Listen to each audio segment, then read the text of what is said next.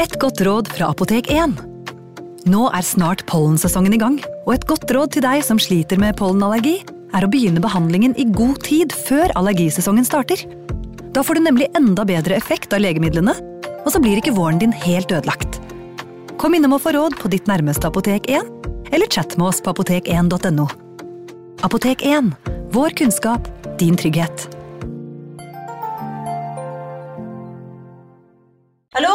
Jeg kommer fra Oslo politikammer.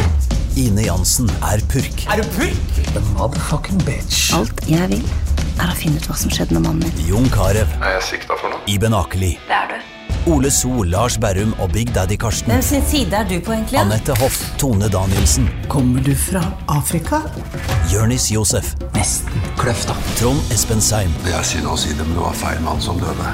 Purk. Premiere tirsdag på TV2 Play. Ungsamtalen fra DNB er økonomisk veiledning tilpasset deg som er ung.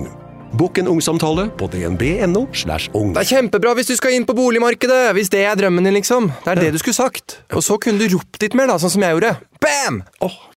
Advarsel. Historiene vi forteller i denne podkasten kan være fiktive og avvike fra den opprinnelige historien av dramaturgiske årsaker. Meninger og påstander i historiene reflekterer nødvendigvis ikke programledernes meninger eller virkeligheten.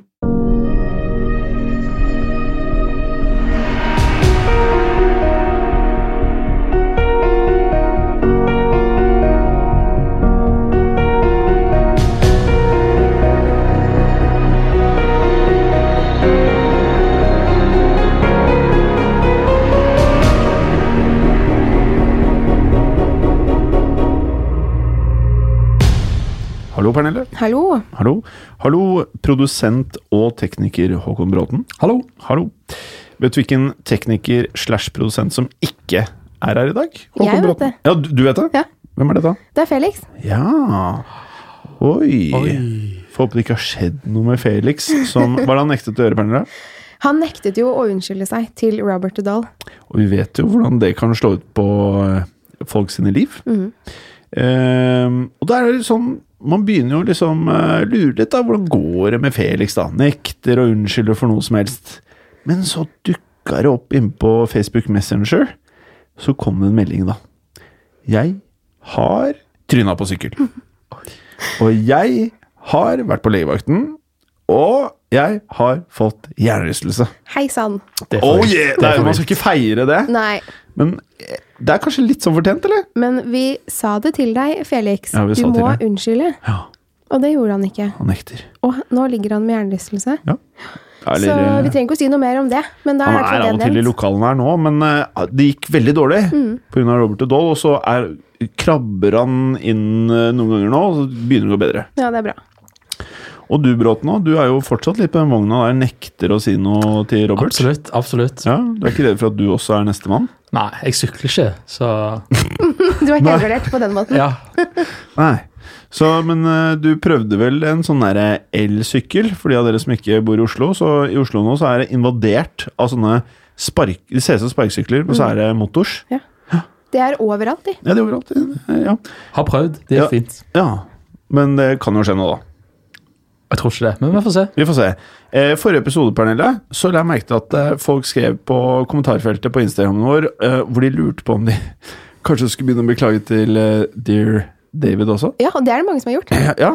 Og de har beklaget til Raken, de har beklaget til Dear David, så nå er det Jeg tenker at de, det, folk bare kan beklage til eh, hele gjengen, ja, så skjer det vel ingenting. starta en trend. Mm. Ehm, I dag så har vi en salig blanding av lytterhistorier og noe fra deg, Pernille, som er Du, jeg har en historie fra et av Sveriges mest hjemsøkte steder. Åhå. eh, Frammegården i Skillingmark. Og det syns jeg er veldig gøy, fordi Frammegården ligger i Värmland. Mm. Og det er jo et sted jeg er ganske ofte, fordi min kjære samboer er fra Värmland. Så vi har snakket om flere ganger å dra dit, og man kan faktisk overnatte der. Men han tør ikke, så jeg vet ikke om det blir noe. Så prøver du å si at du har en svensk kjæreste. Det stemmer. Aha. Men han vil ikke overnatte deg pga. Uh, de skumle historiene? Muligens. Oh. Oh. Ja, så Ja. det kan hende jeg må sove der alene, og det har jeg ikke så veldig lyst til, så ja, vi får se om vi drar dit. Mm. Hva måtte vi bare kicker i gang, da? Ja, jeg kan godt ta den med en gang. Ja. Hei, takk for en spennende pod. Jeg ønsker å dele en ordentlig skummel opplevelse jeg hadde for mange år siden, men som fortsatt sitter igjen i meg og får meg til å lure på hva som egentlig skjedde den natten. Jeg har alltid vært interessert i det åndelige, og vært i mange situasjoner der jeg ikke har funnet en naturlig forklaring på ting. Et par situasjoner har vært så spesielle at jeg nesten ikke tror det, selv om jeg var der. For eksempel hadde vi et trollbord hjemme i familien for mange år siden, og jeg, min venninne og min bror var de eneste som fikk det til å virke. Det fungerer nesten som et Ouija-board, men i stedet for å røre seg frem og tilbake, så stamper det i gulvet med ett ben. Bordet har tre ben. Et telleben, et ja-ben og et nei-ben. Dette betyr at du kan spørre om hva du vil, og bordet svarer gjennom å bruke ett av bena til å stampe i gulvet. Vi brukte dette så ofte og så lenge at vi til slutt kun hadde én finger hver løst på bordplaten, og det fortsatte å svare på spørsmålene med like stor kraft som da vi startet med alle hender på bordflaten. Vi spurte en gang hvor lenge det var igjen til mammaen vår kom hjem fra butikken, og bordet stampet fem ganger med tellebeinet. Fem minutter. Vi tok tiden, og etter akkurat fem minutter kom hun inn gjennom døren. Det var flere ganske skumle ting som skjedde rundt det bordet, men da jeg ikke kan si med 100% sikkerhet at det jeg husker stemmer, tør jeg ikke å fortelle mer om akkurat det bordet. Det er heldigvis ikke dette jeg skal fortelle dere om. Jeg skal fortelle dere om den gangen jeg var noen få meter fra et spøkelse på et av Sveriges mest hjemsøkte steder, Frammegården i Skillingmark. Jeg og min daværende venninne var ofte ute på bilturer og spøkelsesvandring rundt i byen der vi bodde. Vi begynte å snakke om Frammegården, og bestemte oss for å reise dit. Siden dette var i midten av mars, var det stengt for sesongen, men fortsatt mulig å reise dit og besøke utsiden av gården. Vi fikk med oss min daværende kjæreste, hans kompis og min venninnes onkel som kjørte. Ingen av oss var nemlig gamle nok til å ha lappen. Vi kjørte spent ut i skogen og til stedet der gården lå.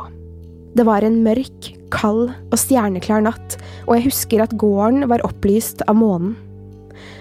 Vi parkerte nede ved veien, da grusveien opp til selve huset var stengt med en bom. Vi gikk oppover grusveien, og jeg husker at jeg ble veldig klar over at gården lå helt for seg selv, og nærmeste nabo var et godt stykke bort. Hadde det skjedd noe der, var det nok ingen som hadde hørt deg skrike. Da vi kom opp til selve gårdsplassen, lå det et rødt hus foran oss. Ved siden var det en låve, og lenger ned bak oss enda et lite uthus. Jeg lærte noen år senere at det var der toalettene lå for de som kom og besøkte gården under den åpne sesongen. Da vi sto der stille og stirrende ut i den svarte natten mot huset, skjedde det absolutt ingenting. Vi ventet og ventet, og til slutt begynte vi å le og snakke sammen. For noe tull. Det var kaldt, og vi tenkte vi skulle gå tilbake. Plutselig ser jeg noe i mørket, akkurat mellom hovedhuset og låven, noe som rører seg sakte. Jeg prøver å holde fokus og tenker at dette helt sikkert er mitt eget hode som tuller med meg.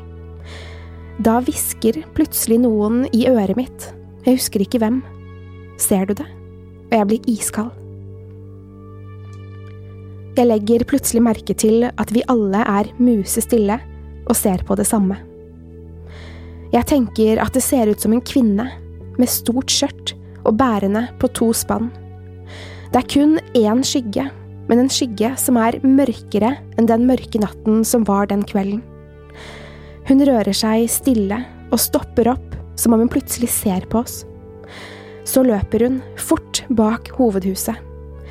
Vi alle står stille i et halvt sekund før vi løper ned grusveien mot bilen i totalt sjokk.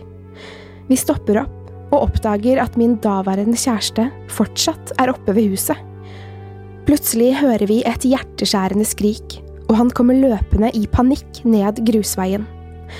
Jeg aner ikke om det var han eller hun som skrek, men jeg har aldri sett noen så redd.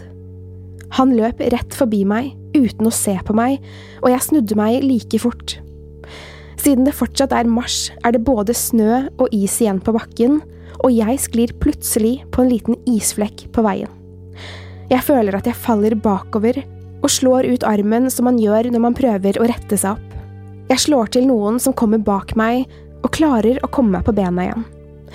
Vi løper så ned til bilen, slenger oss inn og smeller igjen dørene. Vi prøver å få start på bilen, men det går ikke. Den vil ikke starte, og alle skriker.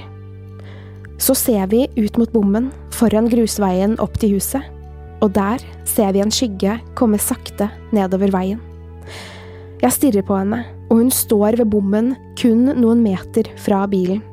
Jeg skjønner ikke hva jeg ser på, selv om jeg stirrer rett på skyggen som står der.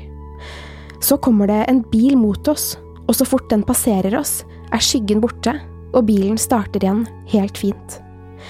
Vi kjører fort av gårde, og ingen av oss sier noe på en lang stund. Etter hvert sier jeg, beklager hvis jeg slo til noen av dere, men jeg holdt på å falle. Ingen skjønner hva jeg snakker om, og jeg forstår at jeg ikke hadde slått til noen av de som jeg nå sitter i bilen med. Da jeg kom hjem til pappaen min den kvelden, klarte jeg ikke å ta inn over meg hva jeg hadde opplevd, og til den dag i dag klarer jeg ikke å skjønne hva det var jeg så. Jeg trodde lenge at det kun var mitt eget hode som hadde lurt meg. Frem til den dagen vi bestemte oss for å overnatte på Frammegården med klassen på videregående. På kvelden da vi kom dit, fikk vi en historiefortelling fra han som har ansvaret for huset, og når jeg forteller mannen om det jeg hadde vært med på, bekrefter han at det oftest er henne man ser. Jeg fikk der og da bekreftet at det ikke bare var en innbilning, jeg hadde faktisk sett et spøkelse. Hilsen anonym. Ja, Bråten? Ja? Ja, du er jo den kaldeste av oss alle. Å? Ja. Eh, det har du vist eh, uke etter uke. Ble du redd nå? Det var ganske creepy. Ja, var det? Men jeg ble ikke redd, liksom. Nei, du ble ikke redd? Du, du følte at det, liksom, det var noe som andre kanskje kunne bli redd av? Absolutt. Ja, Som ikke er like tøffe som deg? Absolutt. Hva syns du, Pernille? Jeg syns det var eh, ganske skummelt.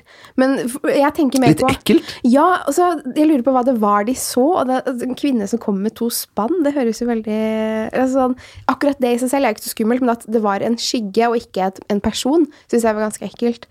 Men det hadde vært gøy å besøke Frammegården. Hadde du turt det?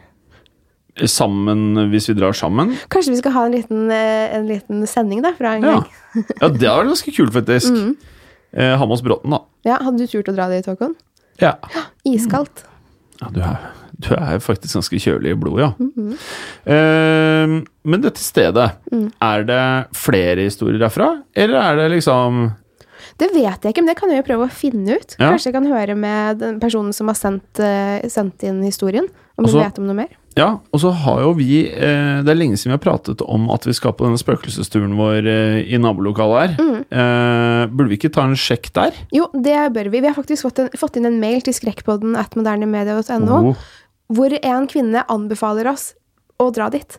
Hun Mhm. sier at det er så spennende, og at det var veldig flinke guider, og at det var, det var skumle historier, så det hadde vært moro å være med på. Hva med å få til en liten spesial da, hvor Mm. eh, Kallebråten tar med seg eh, utstyr? Så kan vi sitte oppå på eh, høyborgen der. Det gjør vi. Det får vi til.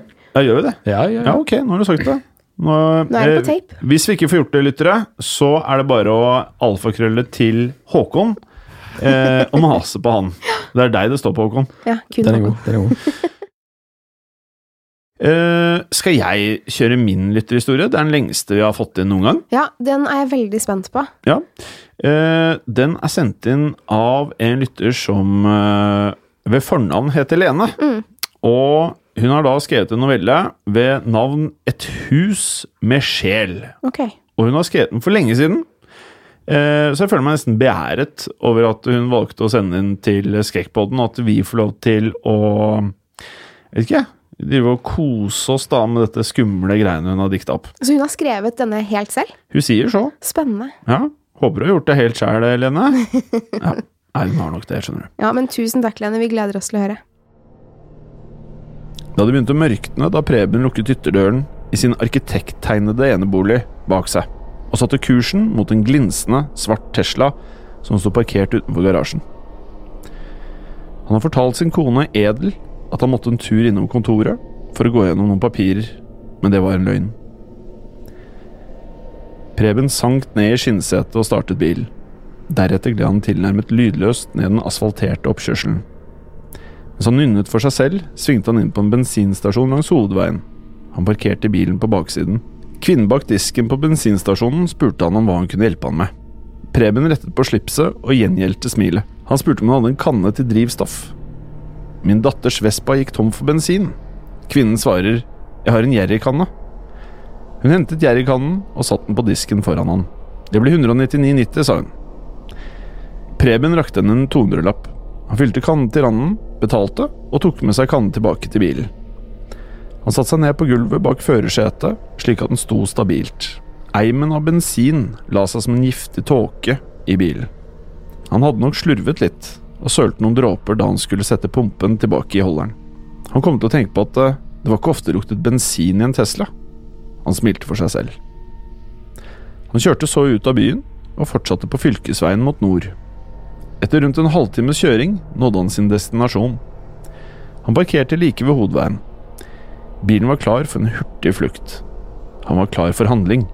Det var ingen andre biler eller mennesker i nærheten, og han kunne usett smette inn på den lille grusveien som ledet innover i skogen. Flere ganger skled han på sleipe blader, røtter og gjørme. Han ble våt på skoene. Preben dro jakken tettere rundt seg og fortsatte med et bøyd hode. Det blåste litt, men det gjorde ikke noe. Det ville bare sette fart i sakene. Foran han åpnet den tette skogen seg en lysning. Han kunne skimte sjøen. Det var hvite topper på bølgene, og noen svære måker sirklet rundt og rundt i den friske brisen. Preben satt kannen fra seg og fant frem en liten lommelykt. Han slo den på og så oppover. Det gamle huset tårnet over han i halvmørket. Han grøsset. Dette marerittet av et hus som hadde hjemsøkt han i hele 17 år, helt siden han hadde kjøpt det for en billig penge under en usikker periode i boligmarkedet. Selve eiendommen hadde alt. Ekstremt gode solforhold, sjøutsikt og strandlinje. Samt en meget skjermet beliggenhet helt uten naboer. Tomten var stor og flat, og lå på en hylle i landskapet, omringet av gamle eple- og pæretrær. Problemet var huset. Allerede da han hadde kjøpt det, hadde det vært i dårlig forfatning. Og hele 17 år uten tilsyn hadde ikke gjort ting bedre. Preben hadde søkt om å få rive det ned, opptil flere ganger, men han hadde fått avslag hver eneste gang.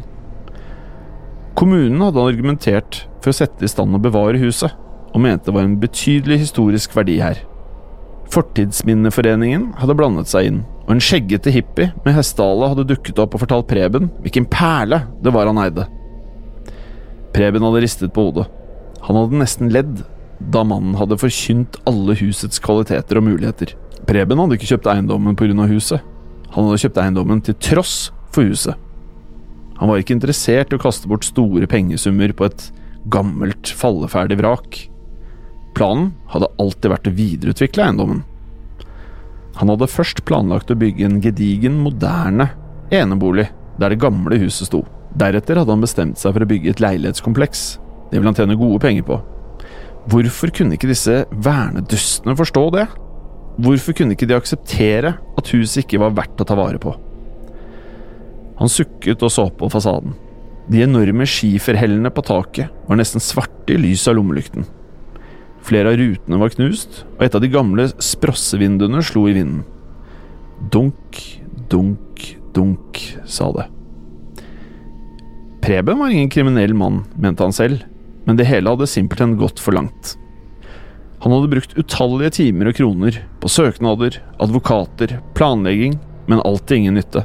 Dette var den siste gangen han skulle betrakte denne rønnen av et hus. Han lot blikket gli over inngangsportalen. Fyren fra Fortidsminneforeningen hadde fortalt han at døren var laget i Louis Seisse-stil, og Preben hadde himlet med øynene. Det spilte ingen rolle for han. Det spilte heller ingen rolle at huset var bygget av en berømt skipsbygger på 1700-tallet, og at det i mange år hadde vært i drift som landhandleri med skomakerverksted i kjelleren. Huset var gedigent, men Preben ville ha det vekk.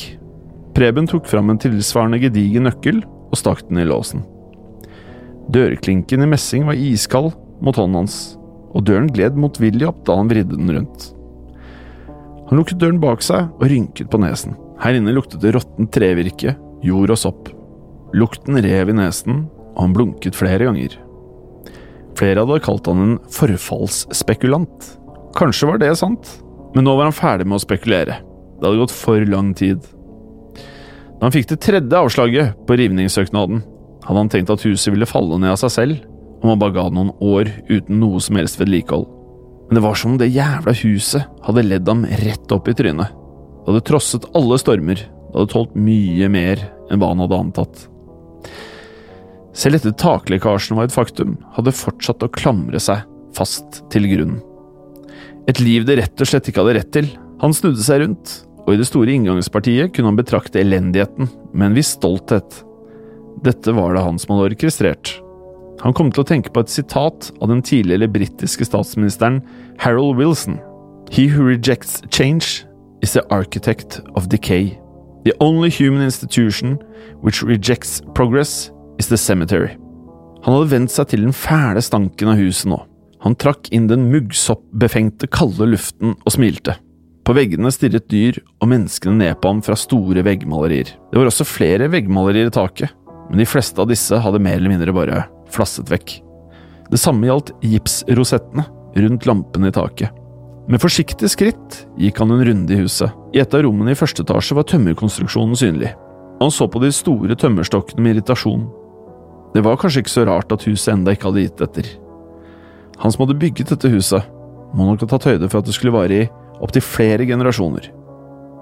Vi får nå se på det, skipsbygger Torshavn, mumlet han mens han gikk opp trappen til andre etasje. Han måtte gå inntil veggen for å unngå flere store hull i gulvet, og han fant fort ut at det var best å ta seg ned trygt i første etasje igjen. Mens han sto på toppen av trappen, var det med ett som om han kunne se tilbake nesten 300 år med historie. Først hadde Torshavn og hans familie bodd der. Deretter hadde en rik familie fra byen kjøpt huset etter Torshavns død. På slutten av 1700-tallet hadde en mann ved navn Lindberg startet et landhandleri i deler av kjelleren, og en skomaker hadde leid resten av lokalet. Nede ved sjøen hadde det vært ei kai, og her hadde båtene lagt til når folk kom for å handle. I 1870 hadde butikken lagt ned. Og nok en gang hadde huset rommet en familie. Barn hadde vokst opp her, de hadde løpt opp og ned trappene og latt hendene gli oppover rekkverket og over de store trekulene i hver ende av gelenderet. Han betraktet dette gelenderet. Malingen hadde slitt bort der hendene hadde berørt treverket gjennom årene. I løpet av 1900-tallet hadde huset blitt fraflyttet, og siden den gang hadde det gått nedover. Nå nærmet det seg 80 år uten vedlikehold. Preben så opp mot taket. Et vindkast traff huset, og det knirket i konstruksjonen. Dunk, dunk, dunk. Det var på tide å gi slipp. Det var på tide å ta saken i egne hender og sørge for at historien kunne begynne på nytt. I et nytt hus med nye muligheter. Det dryppet fra taket. Preben tok opp en pakke fyrstikker fra jakkelommen. Han håpte at brannen ikke ville bli oppdaget med det første, og at huset fikk brenne helt til grunnen før brannvesenet ankom. Det var selvfølgelig uheldig at de ville finne spor av bensin og dermed kanskje skjønne at brannen var påsatt, men de kunne ikke bevise noe. Han hadde allerede skaffet seg et alibi, og han hadde på seg hansker. Da han løftet fyrstikken opp foran ansiktet, var det som hele huset vendte blikket sitt innover mot han. Han befant seg i beistets mage. En forferdelig vrengt lyd beveget seg gjennom treveggene. Det hørtes ut som huset stønnet, og Preben tok et skritt bakover. Han kunne kanskje tenne på huset på utsiden, tenkte han. Riktignok hadde han ingen erfaring med brannstifting, men han antok at det ikke var lurt å bli fanget i flammehavet. Han gikk baklengs ut av huset, og han ønsket ikke å snu ryggen til huset. Han var redd det ville kollapse rundt han og fange kroppen med dets vrede. Nok en gang tok vinden tak i huset, luften presset seg inn gjennom sprekker og hull og krøp langs gulvet som en ond ånd. Da den strøk rundt ankelen hans, fikk han panikk og ramlet bakover i døråpningen. Fortidsminneforeningen hadde sagt at huset hadde sjel, noe Preben hadde ledd av. Han lo ikke nå lenger. Dunk, dunk, dunk. Han reiste seg og smalt igjen døren med voldsom kraft. Med skjelvende fingre åpnet han bensindunken og helte bensin langs ytterdøren og kledningen. Dette var slutten. Dette var begynnelsen. Han strøk fyrstikken mot esken, men den ville ikke tenne. Han tok opp en ny fyrstikk og skulle til å prøve igjen da han hørte en lyd like over hodet sitt. Det lød som en skraping. En buldrende, tung lyd. Han så opp. En av de enorme skiferhellene på taket hadde løsnet i vinden. Nå raste det nedover, med voldsom fart. Preben rakk ikke å reagere. Han rakk ikke engang å tenke over livet sitt og alt han hadde utrettet. Da skiferhellen traff ham i hodet, mistet han esken med fyrstikker. Kroppen hans kollapset, og han falt bakover. Blodet sprutet ut av hodet, og det som rant ut av hodet hans, samlet seg under han, før det dryppet videre ned på trappetrinnet. Drypp, drypp, drypp. De mørke vinduene i øverste etasje var enorme, og de var svarte. De var som stirrende øyne. De betraktet kroppen på bakken med avsky. Historien ville gå videre uten Preben. Huset var der ennå, og det ville forbli på sin plass så lenge det fortsatt har trevirke igjen. I husets vegger kunne man nå høre en lyd som minnet om dype, langsomme hjerteslag. Dunk, dunk, dunk. Hva syns du, Pernille? Jeg syns det var en spennende historie. Ja. Den var godt skrevet og godt uh, skildret.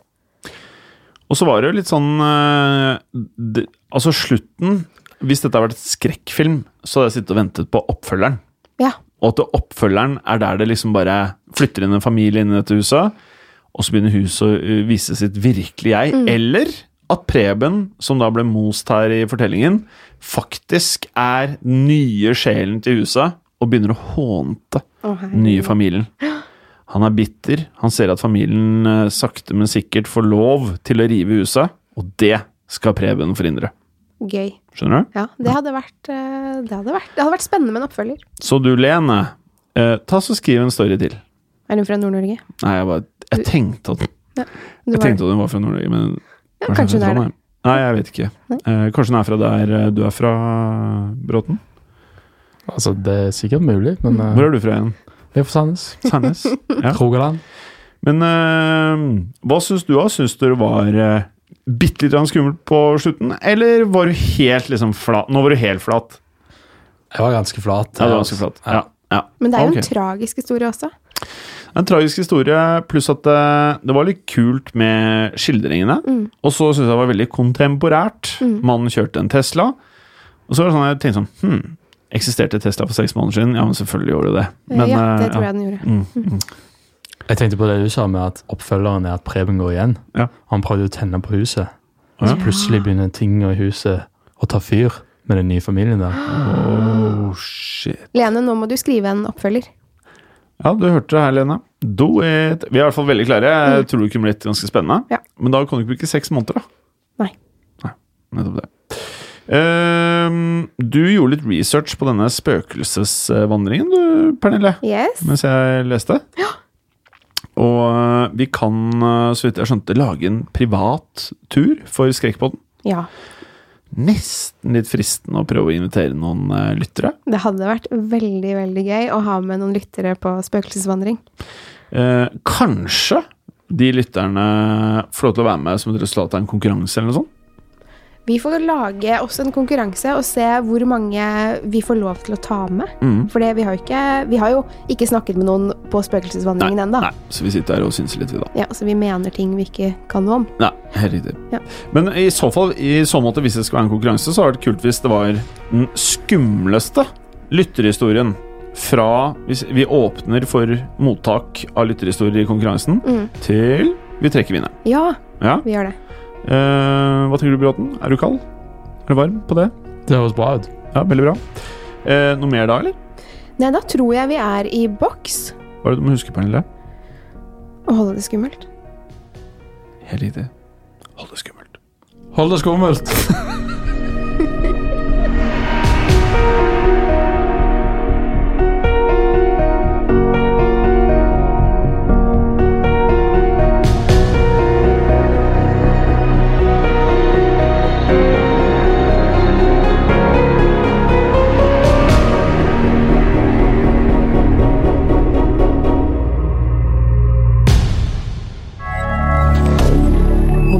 media.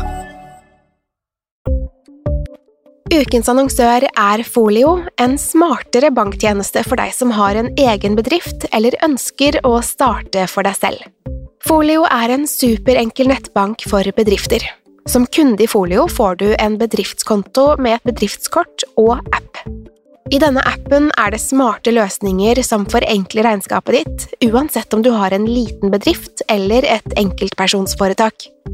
Folio er både intuitivt og brukervennlig, og er laget med et enkelt språk. I tillegg tilbyr de forutsigbare priser og ingen skjulte gebyrer. Skulle du likevel trenge det, så kan du snakke med deres raske og hyggelige kundeservice, og der får du prate med en faktisk person og ikke en chatbot. Folio er med andre ord både enklere og koseligere enn banken.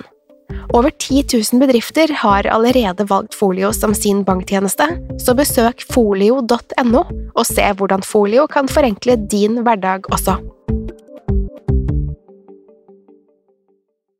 Har du et enkeltpersonforetak eller en liten bedrift? Da er du sikkert lei av å høre meg snakke om hvor enkelt det er med kvitteringer og bilag i fiken, så vi eh, gir oss her, vi. Fordi vi liker enkelt. Fiken superenkelt regnskap. Kiwi er billigst i VGs matbørs og har vært billigst i fire av de fem siste VGs matbørser. Og nå presser vi prisene på frukt og grønnsaker. På 200 gram broccolini setter vi prisen til 24,90. På 400 gram Cevita blåbær setter vi prisen til 49,90. Og husk, alle Kiwi Pluss-kunder får i tillegg 15% trumfbonus på all fersk frukt og grønt. For det er vi som er prispresserne. Og vi i Kiwi gir oss aldri på pris.